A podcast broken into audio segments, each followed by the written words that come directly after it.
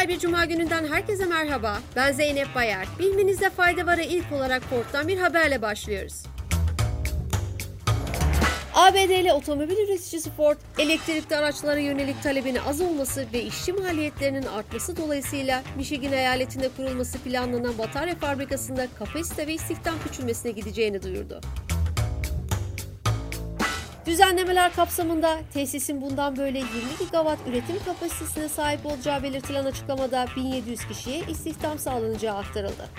Ayrıca fabrikanın 2026 itibarıyla lityum demir fosfat batarya hücresi üretmeye başlamasını planlandığı kaydedildi.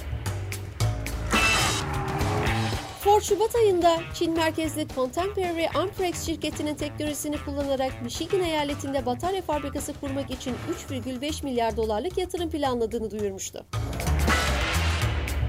Shell Akdeniz'de Mısır açıklarında yeni doğal gaz rezervi bulunduğunu duyurdu. Gelin hızlıca haberin detaylarına geçelim. Shell Egypt'ten yapılan açıklamada yeni rezervin Akdeniz'deki Amiriye'nin kuzeydoğusundaki imtiyazlı bölgede bulunduğu belirtildi. Öte yandan imtiyaz alanında 3 kuyu açmak için yürütülen proje kapsamında ilk kuyunun sondajının tamamlandığı toplam gaz rezervi hakkında bilgi vermenin henüz mümkün olmadığı ifade edildi. Sırada akıllı telefon pazarına ilişkin bir haberimiz var. Counterpoint Research'ın verilerine göre akıllı telefon pazarı 2 yıl aşkın bir süredir devam eden düşüşün ardından Ekim ayında yeniden büyümeye başladı.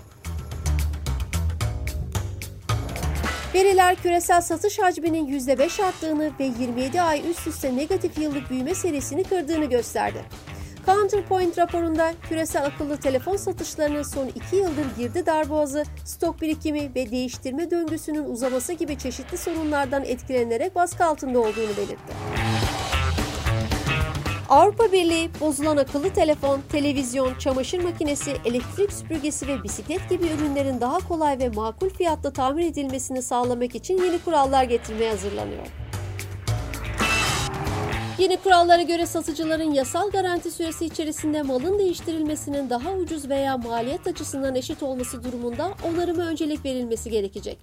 Bu sadece tamirin tüketici için uygun veya sakıncalı olmadığı durumlarda geçerli olacak. Ürün onarıldıktan sonra yasal garanti süresi ise bir yıl daha uzatılacak. Avrupa Birliği Komisyonu'ndan gelen bir ceza haberiyle noktalıyoruz. AB Komisyonu, Deutsche Bank ve Hollanda merkezli Rabobank'ın Euro cinsinden tahvil ticaretinde kartel oluşturduklarını belirlendiğini açıkladı. Açıklamada Rabobank'ın Euro cinsinden belirli tahvillerin alım satımı ile ilgili kartele katıldığı için 26,6 milyon euro para cezasına çarptırıldığını işaret edildi.